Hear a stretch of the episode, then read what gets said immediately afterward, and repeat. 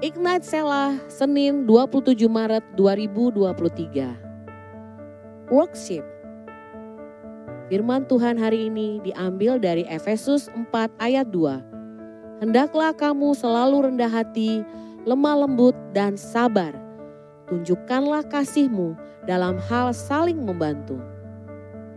Shalom Sobat Ignite. Dalam bukunya Sins of the Spirit, Blessing of the Flesh, Lesson for Transforming Evil in Soul and Society. Matthew Fox mengklaim bahwa manusia posmo seperti sekarang ini udah jadi manusia yang berjiwa kerdil dan pengidap dosa asedia. Apa itu dosa asedia? Fox mendefinisikan asedia sebagai kemalasan untuk berbuat sesuatu yang baik.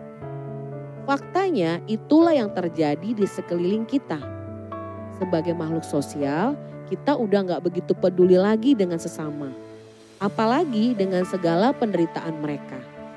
Sebaliknya, kita bersikap egois dan kebudayaan telah membuat kita jadi pemalas yang pasif di depan layar gadget kita masing-masing. Pecandu belanja dan hidup hanya untuk hiburan belaka. Gimana dengan kita sebagai orang Kristen? Jujur aja, kita pun mengidap asedia akut kita juga cuek dengan penderitaan yang menimpa sesama kita. Padahal kita tahu bahwa inti ajaran Yesus adalah kasih. Mengasihi Tuhan dan mengasihi sesama. Bahkan firman Allah menegaskan bahwa kalau kita ngaku mengasihi Tuhan namun tidak mengasihi sesama, sebenarnya kita adalah pendusta. Untuk mengasihi manusia yang kelihatan saja kita nggak bisa. Gimana mungkin kita bisa mengasihi Allah yang gak kelihatan. Meski demikian, di tengah-tengah sikap manusia yang makin apatis dan cuek, masih ada juga sekelompok orang Kristen yang mempraktekkan kasih yang nyata terhadap sesama. Di Tucson, ada gereja di mana orang-orangnya berkumpul pukul 11 pagi setiap hari Minggu, lalu langsung terjun ke tempat-tempat kumuh untuk menolong mereka yang sedang dalam penderitaan memberi makan kepada mereka yang gak punya tempat tinggal, mengecat ulang coret-coret di dinding, atau melakukan perbuatan baik lainnya. Mereka menyebut tindakan mereka ini worship.